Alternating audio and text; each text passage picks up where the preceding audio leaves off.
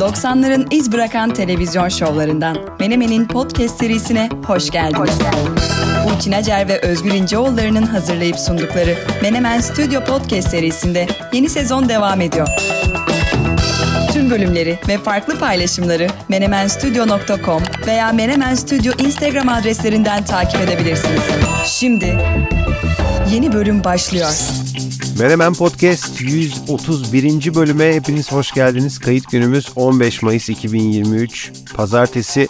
Yayın günümüz bir aksilik olmazsa 19 Mayıs 2023 Cuma. Özgür İnceoğulları ve yoğun haftaya hazır Burçin Acar karşınızda. Burçin'cim merhaba. Merhaba Özgür. Nasılsın? Gayet iyiyim, gayet iyiyim Burçin'cim. Ee, Burçin'cim geliyor yaklaşıyor derken seçimi yaşadık. Stresli ve uzun bir gece yaşadık. Ee, bu kaydı yaptığımız saatler itibariyle sonuçlar hakkında hala e, konuşuluyor. Saatler itibariyle gelişmeler yaşanıyor, yaşandı, yaşanacak. Ee, hatta hemen bir örnek vereyim. Ee, geçtiğimiz çarşamba günü kaydettiğimiz 130. bölümde konuştuğumuz e, ve değerlendirdiğimiz adaylardan Muharrem İnce ertesi gün seçimden çekildi. Dolayısıyla Cuma günü yayınladığımız bölümde de tabii bu gelişme yoktu. E, haftalık bir podcast olunca haftalık bir podcast'te böylesine sıcak gelişmeleri aktarmak kolay değil. E, Cumhurbaşkanlığı seçimi ikinci tura kaldı. Milletvekili seçiminde de Cumhur İttifakı neredeyse %50 oy alarak mecliste çoğunluğu kazandı. E, iletmek istersen görüşlerini dinlemek isterim Burçin. İstemezsen de doğrudan konularımıza geçebiliriz. Ya tabii şimdi tam seçimin ertesi günü bu kaydı yapıyoruz.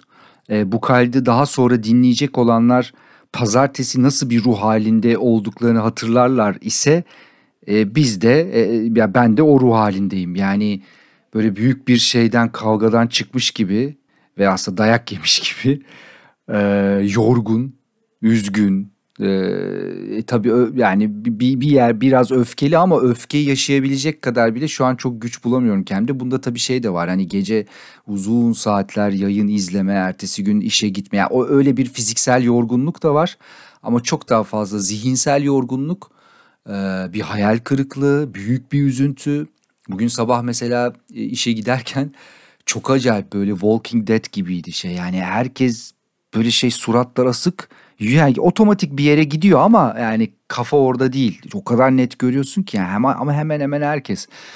Ee, dediğim gibi yani pazartesi yaptığımız için bu kaydı belki de bir podcast için e, e, seçilebilecek en zor günlerden bir tanesinde yapıyoruz. Yani bunu daha sonra dinleyecekler hani bizim ruh halimizi belki bazen e, ses tonumuzda bir şey e, hissederlerse o pazartesi günü nasıl bir ruh halinde olduklarını düşünürlerse işte biz de aslında hala o haldeyiz. Ya söylenecek çok şey var. Bazılarını burada söyleyemem. İstesem de söyleyemem içimden geçen bazı şeyleri ama büyük bir hayal kırıklığı olduğunu söyleyebilirim. İlk defa seçim kaybetmiyoruz. Seçim kaybetme konusunda çok tecrübeliyiz aslında yani ben ve benim gibi düşünenler ama bu sefer tabii çok fazla bir böyle bir araya geliş, bir süreç, ciddi bir inanış, işte anketlerde bunu destekledi, etraf bunu destek gördüğün şeyler, emareler, şunlar bunlar hiç beklemediğin bir sonuca evrilince aslında mesela bundan seçimin seçim sürecinin ilk başında ikinci tura kalsa falan dense tamam diyebilirsin. Yani hani yani ikinci tura kalması kötü bir şey değil. İkinci turda toparlanır daha şeye gidilebilir birçok ülkede olduğu örnekte ama biz o kadar çok bu işin birinci turda bitebileceğine inandık ki yani buna bu sefer güvendik. O yüzden olmayınca bir de arada da fark olunca bu ciddi bir hayal kırıklığı yarattı. Şimdi mesela bilmiyorum ikinci tur için bu kadar çok insan sandığa gidecek mi? Nasıl motive edilecek? Neye inandırılacaklar? Bu işin kısa dönem durumu uzun dönemde de tabii birçok insan için ciddi bir e, gelecek kaygısının zaten var olan kaygının biraz daha yoğun bir şekilde e, çöktüğünü, çökeceğini düşünüyorum. Şimdilik bu kadar konuşayım dediğim gibi yani bazı fikirlerimi de söyleyebileceğimi zannetmiyorum henüz. Evet konu devam edecek zaten. Ee, dediğim gibi saat başı gelişmeler oluyor. He. Önümüzdeki bölümlerde de bu konulara geliriz. Konularımıza geçmeden de yayın günümüze denk gelen 19 Mayıs Atatürk'ü anma Gençlik ve Spor Bayramımızı da kutlayalım. 104 yıl önce Samsun'a çıkan, Kurtuluş Savaşı'nı başlatan, Mustafa Kemal Atatürk'ü ve silah arkadaşlarını saygıyla ve özlemle andığımızı da bir kez daha söyleyelim. Evet çok anlamlı bir gün anlamlı da bir zamanda geldi. Yani bir tarafım hep şeyde diyor yani işte bak orada bir mücadele var. Yani hiçbir değişim bu kadar çabuk ve bir günde olmuyor. Hepimiz biliyoruz mesela 19 Mayıs 1919'dan sonra Kurtuluş Savaşı'na giden süreçte neler yaşandı, nasıl nasıl inişler çıkışlar. Ee, yani belki biraz oradaki duyguyu anlayıp bu değişimin süreç alacağını e, düşünmek lazım ama işte karmaşık duygular bu tam bir pazartesi yani o bu, bu kaydı yaptığımız günün pazartesi olduğunu tekrar belirterek e, hemen buradan döneyim ben. Aslında bugün böyle bir seçim gündemi olmasaydı muhtemelen e, sa, sana soracağım sorulardan bir tanesini sorarak başlamak isterim. Merakla bekliyorum.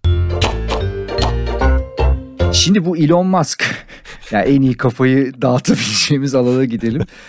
E, Twitter falan çok konuşuyoruz. Şimdi bir CEO geldi. Yani başladı resmi olarak galiba. Ben şimdi işin şey kısmına çok giremedim. Ben hani tamam gel işte bakıyorum güncellemeler şunlar bunlar ama bir CEO seçti. O seçilen CEO kim? Ne, ne tür bir fonksiyonu olacak? Yani piyasada tanınan biri mi? Gerçekten o mu yönetecek falan böyle bir bir takım teknik sorularım da var. Kim olduğuna dair sorularım dedim ki ben bu konuda en iyi cevabı Özgür'den alırım. Bize bu CEO hikaye yani ne oldu orada? Şöyle oldu. Elon Musk biliyorsun e, bundan e, yaklaşık haftalar önce dedi ki ben artık Twitter'daki görevimden ayrılıyorum. Ayrılacağım dedi. E, herkes de acaba yerine kimi getirecekti diye sordu. Geçen hafta beklenen açıklamayı yaptı Elon Musk. Twitter'a bir CEO atadı. Genelde biliyorsun Elon Musk böyle medya dünyası hakkında iyi düşünmez ve iyi şeyler de ifade etmez medya dünyası hakkında ama seçtiği hanımefendi medya dünyasından geliyor. Yani Twitter'a CEO olarak seçtiği hanımefendi. NBC Universal'ın e, küresel reklamcılık ve ortaklıklar başkanlığını yapan e, Linda Yaccarino'yu seçti. Yeni Twitter CEO'su olarak e, bu hanımefendiyi atadı e, ve Elon Musk'ın koltuğu e, Yaccarino'ya geçti. Şimdi biraz onu an, anlatayım. E, son 11 yılını NBC Universal'da geçirmiş, kurumsal dünyayı çok iyi bilen, çok iyi tanıyan bir kadından bahsediyoruz. Reklam e, alanından geliyor. Yani küresel reklamcılık başkanlığını yaptığını söylemiştim. Reklam alanı zor bir alandır. Sen gayet iyi biliyorsun. E, bu alanda müzakere becerileri çok yüksekmiş e, Yakarino'nun ve e, bu neden bu becerileri sayesinde başarılı olmuş ve kendisine bir takma isim koymuşlar. Bir lakap e, takılmış. Kadife çekiç diyorlarmış ona. Hmm. Şimdi detayları da çok hakim değilim. Belki önümüzdeki bölümlerde daha iyi anlatırız. Belki e, neden kadife çekiç e, ismini verdiklerini daha iyi örneklerle e, buluruz. E, geçen ay bir e, bir konferans düzenlenmişti Miami'de ve e, Linda Yaccarino e, Elon Musk'la bir röportaj yapmıştı sahnede. E, bu konferansın e, sahnesinde.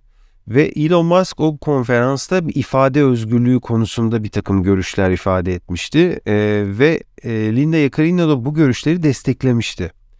E, dolayısıyla orada bir flört başlamış olabilir diye düşünüyorum eğer daha önceden tanışmıyorlarsa. Twitter sonuçta gelirlerinin e, çoğunu reklam satışlarından sağlıyor. E, ve Yacarino'nun hedefi de Twitter'a reklamcıların gözünde güvenilirlik sağlamak. Çünkü Twitter'ın e, Elon Musk'a geçişi sırasında yani o satış e, sırasında o sancılı bir dönem yaşadılar biliyorsun. Reklam verenler biraz uzaklaştı Twitter'dan. Şirketin satılmasından 4 ay sonra da satışlar yani reklam satışları epey bir düştü. Dörtte bir oranı, orana kadar düştüğü söyleniyor.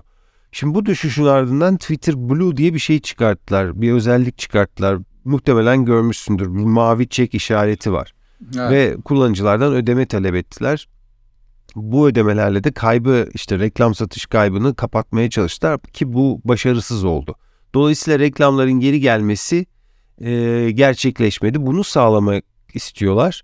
Reklamların gelmesi de tabii ki reklamcıların geri gelmesiyle ancak e, mümkün olur. Yani Yakarino'nun işi pek kolay olmayacak.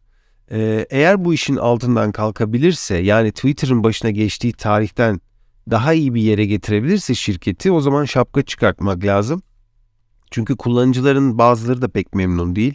Ee, bakalım nasıl ikna olacaklar. Muhtemelen Elon da hani artık bu işi devrettikten sonra diğer şirketlerine daha fazla zaman ayıracak, daha fazla odaklanacak. Diğer şirketlerinden bir tanesi Tesla biliyorsun. Tesla ile de ilgili ilginç bir haber vardı. Onu da hemen kısaca anlatayım, bitireyim.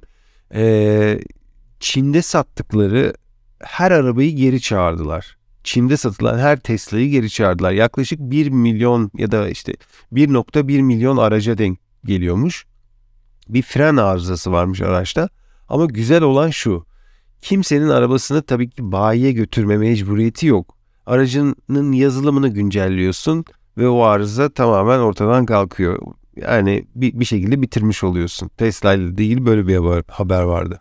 Ee, yani Twitter Blue ile ilgili süreci tabii çok yakından takip ediyoruz. Hani insanlar para vermek istemediler. Ee, işte mavi tik almanın sadece parayla olmasının getireceği bir takım sorunlar vesaire ama en sonunda bir şekilde mecbur bırakılan bir, bir ekip de var onu biliyorum. Ee, kimisi uzun yazmaktan dolayı mutlu verdiği paranın karşılığında e, kim hatta daha sonra hatırlarsın şey eski mavi tıkları geri aldı ama sonra baktı ki hani bu iş öyle olmayacak işte milyonun üzerinde takipçileri tekrar tiklerini şey yapmadan para vermeden e, geri verdi. E, orada tabii işte bir işte kurumlara ayrı fiyat var biliyorsundur işte yani o işte sarı var, grisi var vesaire hepsine ayrı fiyatlar çıktı. E, bu arada ben mesela or, oranın yani Elon Musk kafasının biraz böyle Türkiye'de hani patron şirketi derler ya yani biraz öyle olduğunu düşünüyorum. Mesela şimdi Elon Musk yani birisi bir tweet yazacak, Twitter'la ilgili bir şey diyecek, eleştirecek, o da ona cevap yazmayacak. Bu bence mümkün değil. Yani hala yani ne kadar bir CEO da getirse, başına başka birilerini de getirse kendisinin orada yazacağı bir tweet aslında çok belirleyici olacak belki. Bu markalar içinde böyle, kullanıcılar içinde böyle ve yazmadan da duramayacak bir kişiden bahsediyoruz. Yani bunu defalarca gördük. Öyle bir sabır, öyle bir geri çekileyim, aman bir cevap vermeyeyim durumu yok. Bilmiyorum yani bu tür bir yönetim şeklinde ne kadar o kurumsal adımlar atılabilir, atılamaz. Bundan şüpheliyim açıkçası. Yani Elon Musk'ın geri çekileceğini bilsem hani tamam evet orada böyle bir sistem yürüyebilir derim ama biraz şüphelerim var. Ama Yakarino bu arada Yakarino deyince Yakari'yi aklına getiren kaç kişiyiz acaba? Bu podcast ilerleri çoğu getirmiştir e, bu işi başarabilir. Belki hiç tanımadığım biri olduğu için o konuda bir şey diyemeyeceğim. Kadife Çekiç hoşuma gitti ama onu da söyleyeyim. Kadife Çekiç. Kadife bu arada inşallah ismi doğru telaffuz ediyoruzdur. Şimdi hani bilmiyorum kökenini ha. falan hanımefendinin. Ee, eğer yanlış söylüyorsak da lütfen e, düzeltin. Ee, bakalım işte o yüzden bütün spot ışıklar bu hanıma döndü. Ee, bakalım ne yapacak, başarılı olabilecek mi? İşte reklam kökenli, Twitter'da bu yüzden hani bu işe alındı.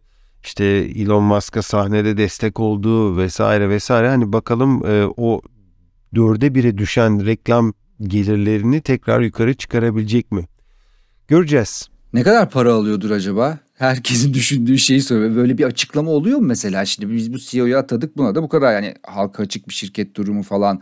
Öyle bir bildirimi var mıdır bunun? Öğrenebilir miyiz Özgür? Yani Twitter'da çalışan arkadaşın varsa belki sorabilirsin ama yani orada çalışması bile o CEO'nun maaşını bilmesini gerektirmez. CEO'ların maaşlarını bilemeyebiliriz. Yani bilemeyiz. Bilemeyiz. Belki dinleyicilerimizden vardır böyle ağları olanlar. Bu soruyu da oraya atmış olalım.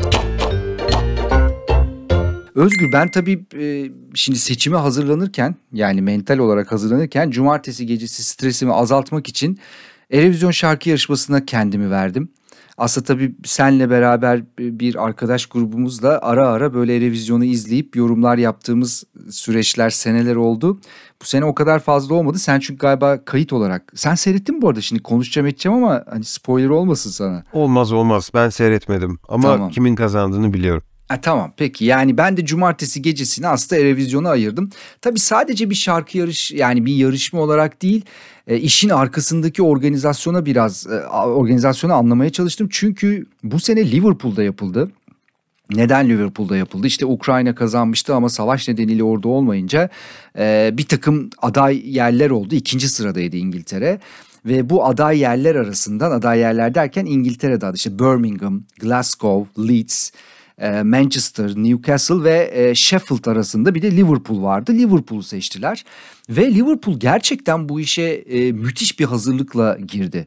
Yani hani Ukrayna adına biz yapıyoruz işte yaptık yarışmayı değil gerçekten büyük bir sahipleniş vardı. Yani sound'da da vardı işte işin dokusunda da vardı sahnede de vardı bir de bunun dışında şehirde de yani birçok organizasyon oldu ve bütün yaz boyunca onu da söyleyeyim mesela şimdi Erevizyon şarkı yarışması bitti ama yazın bile devam edecek bir konser serisi Erevizyon'la bağlantılı ve içinde işte Metronomi gibi falan bildiğimiz popüler grupların da olduğu bir takım konser serileri olacak. Yani aslında şehir bir yerde bunu bir fırsat olarak da e, gördü, algıladı ve bence bunun altından da kalktılar. Bu bakış açısıyla da kalktılar. O kısma geliriz.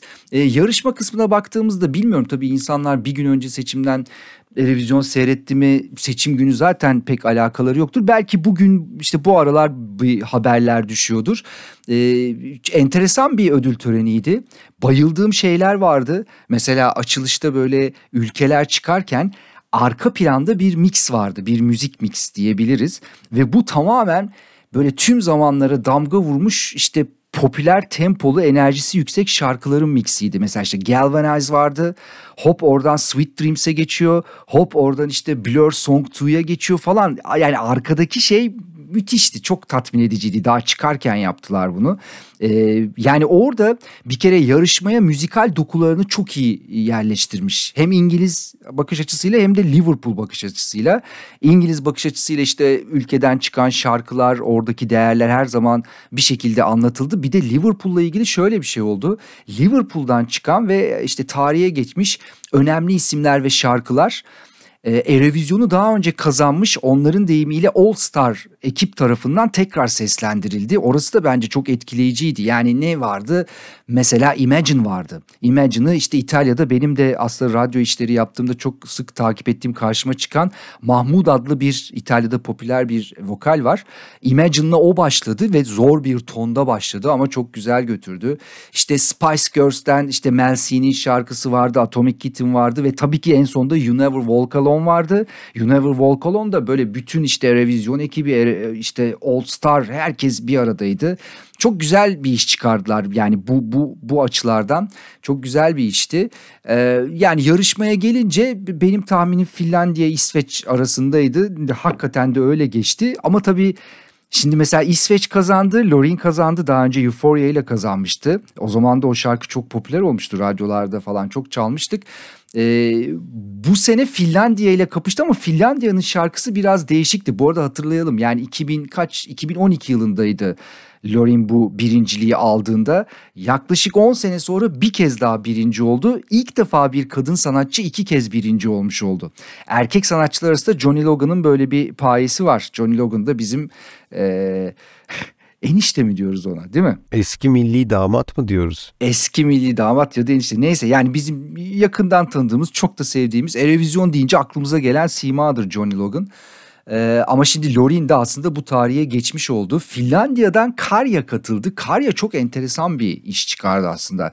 Çok yani böyle ça ça ça diye bir şarkı yani şarkının güzelliği çirkinliğinden öte işte giydiği kostüm, onu yansıtış şekli, sahnedeki performansı bayağı bir insan tarafından beğenildi ama şey tabii çok değiştirdi özgür durumu. Şimdi bir jüri oy kullanıyor ondan sonra halk oyu devreye giriyor. Halk oyu devreye girdiğinde ortalık bir karışıyor yani bambaşka bir sonuç çıkabiliyor. Ama İsveç iki tarafta da birdi. Finlandiya halk oyuyla birinci olabilirdi yani orada bir kıyıdan döndüğünü söyleyebiliriz.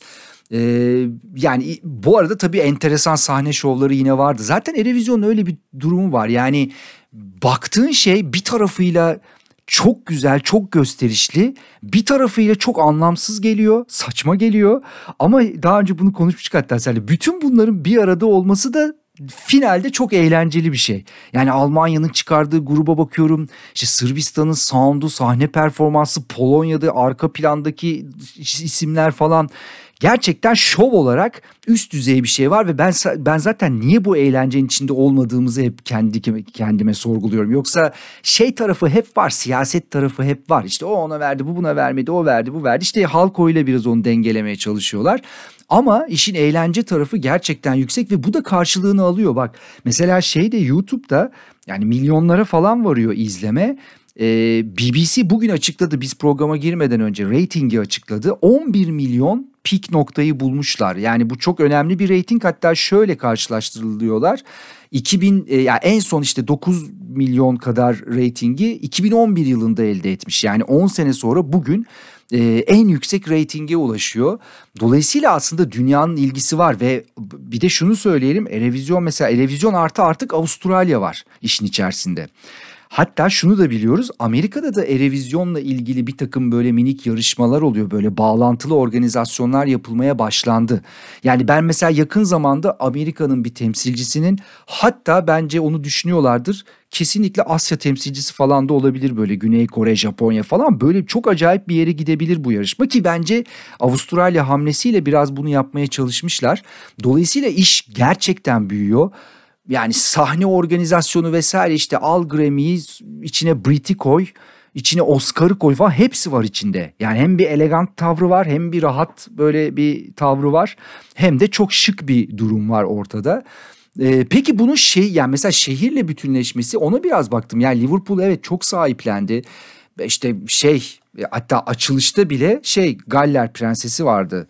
Ee, çıktı piyanoyla işte bir band çekim vardı. Bir performans sergiledi. Arada Kral Charles'ı falan da gördük. Yani şey e, en üst düzeyden sahiplenilme durumu vardı. Şehirle ilgili birkaç tane yazı okudum. Şöyle diyorlar Erevizyon'un şehre potansiyel olarak bir yaklaşık 30 milyon e, sterlinlik bir gelir getireceği bekleniyor. Yani oraya gelen turist vesaire dışında süreç içinde de böyle bir şey olabileceği söyleniyor. E, hatta şöyle bir değerlendirme var. Son 15 yılda e, şehirde gerçekleşen en önemli kültür turizm dalgasını e, yarattı bu revizyon şarkı yarışması. 15 yıl dedikleri de şu 2008 yılında Liverpool Avrupa Kültür Başkenti oluyor ve 2010 yılında da o süreç içerisinde yani yaklaşık 700 milyon sterline yakın bir gelir elde ediyor. İşte hem e, fonlarla, şunlarla, bunlarla, gelişlerle, gidişlerle, organizasyonlarla ve 15 yıldır aslında bu tür bir hareket yok şehirde. E, 2015 yılında da UNESCO tarafından Dünya Müzik Şehri ilan ediliyor e, Liverpool ve ondan hemen sonrasında işte bu organizasyon dolayısıyla şehir için çok önemli. Liverpool'un çünkü büyük derdi şey yani müzikle alakalı işte Londra değil biz varız demek. Yani hem işte bizden çok iyi gruplar çıkmıştır. Bütün müziğin şey çıkış noktası biziz. E, orası değil biziz. Bunu anlatmak için oldukça fazla da çaba gösteriyorlar. Ha karşı çıkanlar var mı? Var. Bu yazın mesela altında hemen yorumlara baktım. Diyorlar ki ya dünyanın en iyi futbol takımlarından biri bizde. İşte rıhtımız var, müzelerimiz var, Beatles'ımız var, anıtımız var. Televizyon olsa ne olur, olmasa ne olur diyen bir ekip de var. Yani klasik böyle bir karşı şey de var. Ee, yine tabii izleyip izleyip ah niye biz burada yokuz? E yarın seçim var muhtemelen seçimi kazanırız biz seneye burada da oluruz falan. Ben o şeylerle bitirdim yarışmayı hayallerle bitirdim yarışmayı. Eski şarkılar falan aklıma geldi katıldığımız şarkılar işte performanslar. Ee, böyle bir erevizyon şeyi yaşadım cumartesi günü. Sonra da işte Liverpool'la ilgili biraz bir e, ne oluyor ne bitiyor şehirde diye bakınca e, bayağı bir sahiplenişte gördüm. Yani hiç öyle hani birileri Türkiye'de bazen şey diye ya revizyon mu kaldı kardeşim kim bakar falan. Pek öyle değil durum onu söyleyeyim. Peki şunu soracağım. Liverpool sonuçta Ukrayna adına ev sahipliği yaptı. Ukrayna'ya yönelik söylemler, işte övgüler vesaireler var mıydı? E tabii mesela Ukrayna'dan e, oraya gelen işte göçmenlerden işte seyirciler vardı. Ukrayna ile böyle şey birebir canlı bağlantılı bir takım performanslar oldu bazı şarkılarda. İşte hatta orada şey vardı. Ah neydi? Ukrayna adına Ruslana mıydı? Ee, daha önce yarışmayı kazananlardan bir tanesi bir kadın vokal. Evet evet Türkiye'de kazandı hatta. Heh, evet o yanındaki dansçılarla beraber canlı bağlantılı şehirden bir şey performans gösterildi ama sonra mesela o okuduğum yazıda şey vardı. Orada bile çok zorlanmışlar şehirde çünkü belli bir saatten sonra sokağa çıkma yasağı olduğu için belli bir saatten önce bunu bitirmeleri lazımdı. O saati uydurabilmek için falan bayağı bir uğraşmışlar. Dolayısıyla bir de şunu yapıyorlardı. Mesela hani her şeyi e, her ülke çıkmadan hani kısa bir tanıtımları geçer ya. Evet. Bazıları çok saçma bir takım videolar olur böyle enteresan. Orada mesela hep şey vardı işte Ukrayna'nın Ukrayna'da bir yer bir bölge oradan geliyor hop İngiltere'de işte orada mesela bir sahil beldesi hop buraya geliyor işte İngiltere'de bir sahil şeyi. Böyle bir şey karşılıklı şeyler de vardı coğrafi e, atıflar da vardı. Dediğim gibi bağlantılar yapıldı ve tabii ki yani Ukrayna ismi e, sunuculardan bir tanesi zaten oradandı. Bu arada sunucular da bence çok başarılıydı. Sunuculardan biri e, İngiltere'deki bu e, yetenek yarışmalarından birinin jürisi aslında ve aslında iyi de bir R&B rap vokal e, Alicia Dixon çok popüler bir isim. Bir diğeri belki daha popüler bir isim Ted Lasso dizisinde kulübün yöneticisi olan kadın Hannah Weddingham olağanüstü bir performans sergiledi. Bence yani galiba bu iş için yaratılmış. Yani tabii şey var rol yapma kabiliyetini de işin içine sokunca çok acayip yani bence çok beğendim. Ukraynalı bir e, şarkıcı vardı Julia Sanina senin dediğine biraz cevap bu. Bir de Graham Norton klasik Erevizyon'la ilgili İngiltere'de ilk akla gelen isimlerden bir tanesi. Sunucu ekibi çok iyiydi. Çok başarılı bir performans ama şey çok iyiydi. Hannah Weddingham çok çok başarılı bir performans gösterdi bence. Çok eğlenceliydi. Çok iyi götürdüler işi. Ee, genel olarak televizyon böyleydi. Yani beni tatmin etti cumartesi gecesi için onu söyleyebilirim. Tabii dediğim gibi biraz da nostalji yaptım. İşte seninle bir dakika vesaire eski şarkılarımızı da hatırladım. Oo evet ya. Evet. Keşke ben de izleseymişim. Ben e, iki hafta önce Eurovision şarkı yarışmasının genel direktörü var. E, Martin Österdal. Oo. Onunla tanıştım. Ee, evet bu Avrupa e, Yayıncılar Birliği yapıyor Eurovision şarkı yarışmasını. İşte orada çalışan işte Cenevre'de çalışan birisi. Ee, keşke bak şey yapsaymışım e, e, izleseymişim. Neyse YouTube'da hala herhalde bölümleri izlenebiliyor. Bu arada var var var. Çok bu arada güzel. o da İsveçli. Martin Österdal da İsveçli. Bugün de bir başka İsveçli arkadaşımı tebrik ettim dedim. Eurovision'u kazanmışsınız tebrik ederim dedim. O da şöyle dedi. Bak bu da ilginç bir not aslında. Önümüzdeki sene sonuçta İsveç'te yapılacak. Artık herhalde Stockholm'da yaparlar. Ee, tüm zamanların en ikonik Eurovision performansının 50. yıl dönümü dedi seneye. Aa Ben de- doğru. Allah Allah dedim neden bahsediyor acaba? Abba. Abba'nın Waterloo şarkısının 50. senesiymiş. Sonra bir şarkının da bir, bir, bir 10 yıl sonra bir daha kazanmışlar. Böyle Digilo Digile mi öyle bir şey söyledi. Öyle bir parçayla biz bir daha kazandık dedi. Onun da dedi 40. e, yıl dönümü dedi. Dolayısıyla hepsi denk geldi dedi. Önümüzdeki sene dedi Stockholm'da. Bir de bu arada iki hafta, iki bölüm önce hatırlarsan İsveç popta niye hani bu kadar başarılı falan diye konuşuyorduk sonuçta.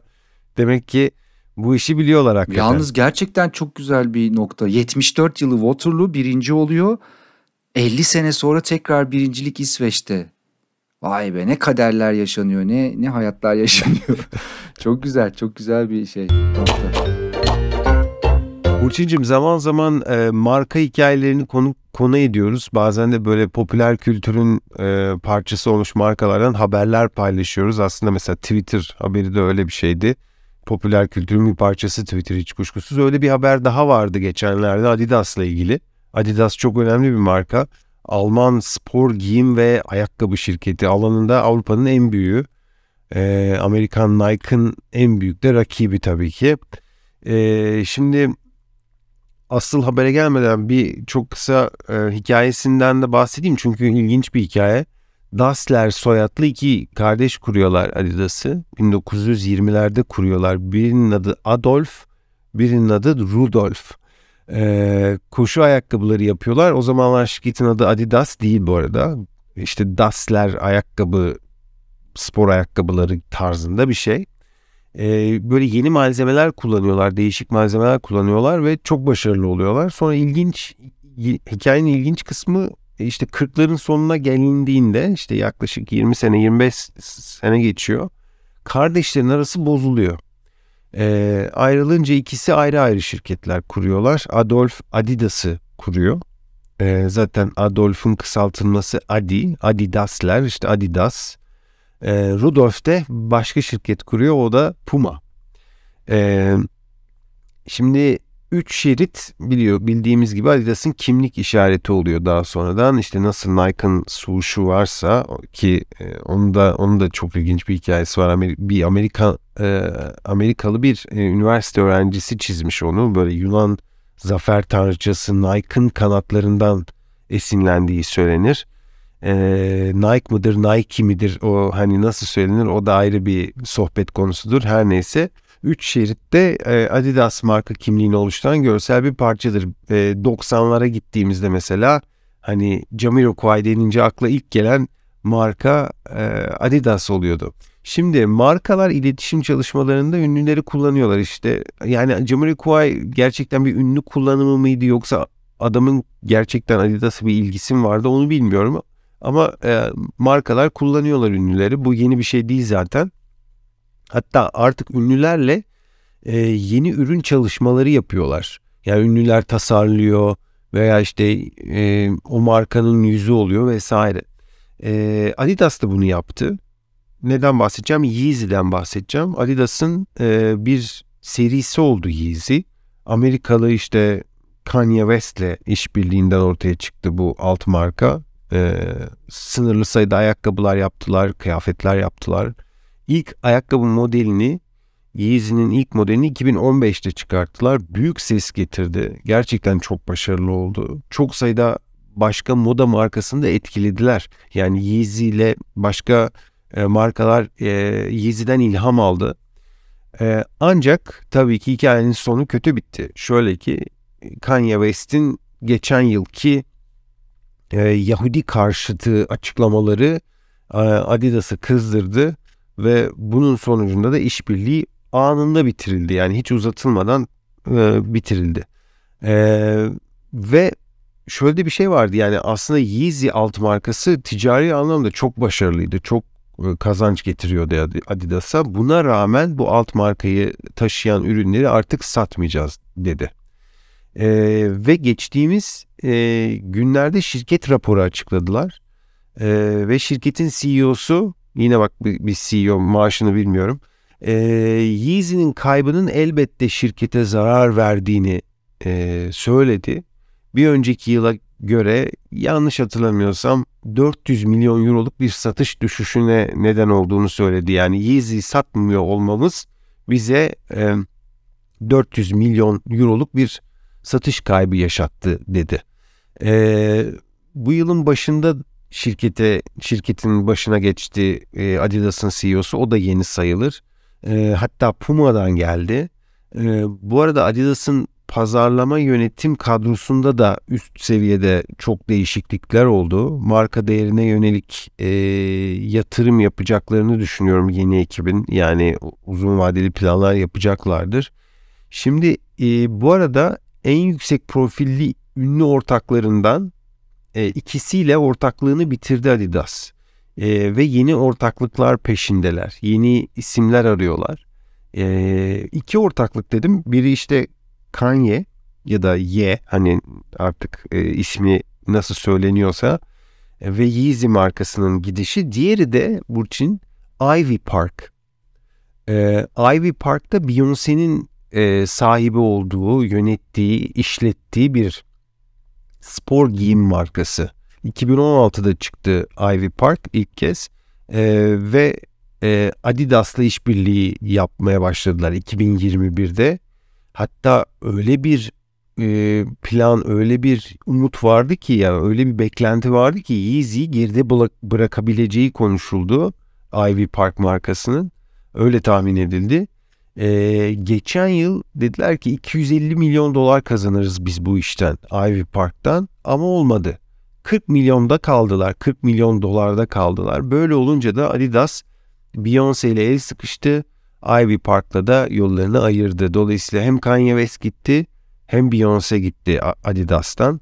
Bu işbirlikleri de bitince dediğim gibi yeni ortaklıklar, yeni işbirlikleri, yeni isimler e, aramaya başladı marka ve imza da atıyorlar aslında. Ve de doğaldır Z kuşağını hedefliyorlar ve bu kuşak için bile Kanye West, Beyoncé belki biraz yaşlı kalıyor denebilir. Yani bilmiyorum tartışmalı bir konu aslında. Hani Z kuşağı için bu isimler hala e, uygun isimler mi bilmiyorum ama geçen Şubat ayında e, Jenna Ortega ile imza attılar. Wednesday dizisinin yıldızı Jenna Ortega'nın e, adını verdiler ve bir yeni bir seri çıkardılar Adidas Sportswear diye. E, belli ki Burçin e, daha genç, daha yeni nesil sanatçılara yatırım yapacaklar. E, aslında tabii birçok isimle çalışıyorlar. Daha e, kısa süreli işbirlikleri yapıyorlar. Bad Bunny falan da var bunların arasında ama Jenna Ortega anlaşması e, daha uzun soluklu bir anlaşma olduğu için onun ismini ilk söyledim. E, yani markaların müzik dünyasıyla, sanat dünyasıyla işbirlikleri her zaman haber oluyor, her zaman ilgi çekiyor. Dolayısıyla bunlar hani bitişleriyle de başlangıçlarıyla da hep konuşuluyor. Artık tabii bu arada Z kuşağı dediğimiz arkadaşlar da bayağı büyüdüler. Yani e, belki bir sonraki bir sonraki alfa değil mi? Alfa ile alakalı. Evet. Yani ben onlarla ilgili şeyler de okumaya başladım. Mesela onlar da Z'den çok çok daha bam, bambaşka bir kuşak. Alışkanlıkları işte takip ettikleri vesaire. E, dolayısıyla orada da belki bir hem söylem hem de hedef değişikliği olabilir birçok markada. Bu arada şeyi hatırlıyorum. E, Adidas işte o kadar çok tabii ellerinde ayakkabı var ki. Yani bu ayakkabıyı ne yapacakları da bir soru. İlk önce bunları yok etmeyi imha etmeyi... Yeezy'den bahsediyorsun. Ha, evet evet Yeezy'den bahsediyorum tabii Yeezy'den bahsediyorum. Hani imha mı edelim ne yapalım falan diye daha sonra bunları satıp aslında yani bir değer al, alıp oradan bundan da işte bu biraz önce bahsettiğin e, söylemlerden e, zarar gören kurumlar ya da insanlar varsa bunlara e, yardım amaçlı bir takım faaliyetlerde kullanmak gibi bir şeye çıktılar. Bir sonuca çıktılar çünkü ortada gerçekten e, bir tarafıyla da bayağı zarar e, çevresel zarar da teşkil edebilecek bir durum söz konusu. O da geçtiğimiz günlerde çok tartışılmıştı. Ee, hikaye tabii yani Kanye West ve Adidas hikayesi gerçekten ibret alınısı bir hikaye. Onunla ilgili davalar vardı. Ben hani haber verirken radyoda çok bu, bununla ilgili şeyleri rastladım şeyler var. Siz bunu biliyordunuz aslında. Bu, bu adamın ne olduğunu biliyordunuz. Buna rağmen bu anlaşmayı yaptınız diye dava açan bir takım hissedarlar vesaire olmuş. Yani o iş baya bir can sıkıcı hale boyuta gelmiş e, Adidas için öyle gözüküyor. Ee, bakalım o ayakkabı işini nasıl kotaracaklar.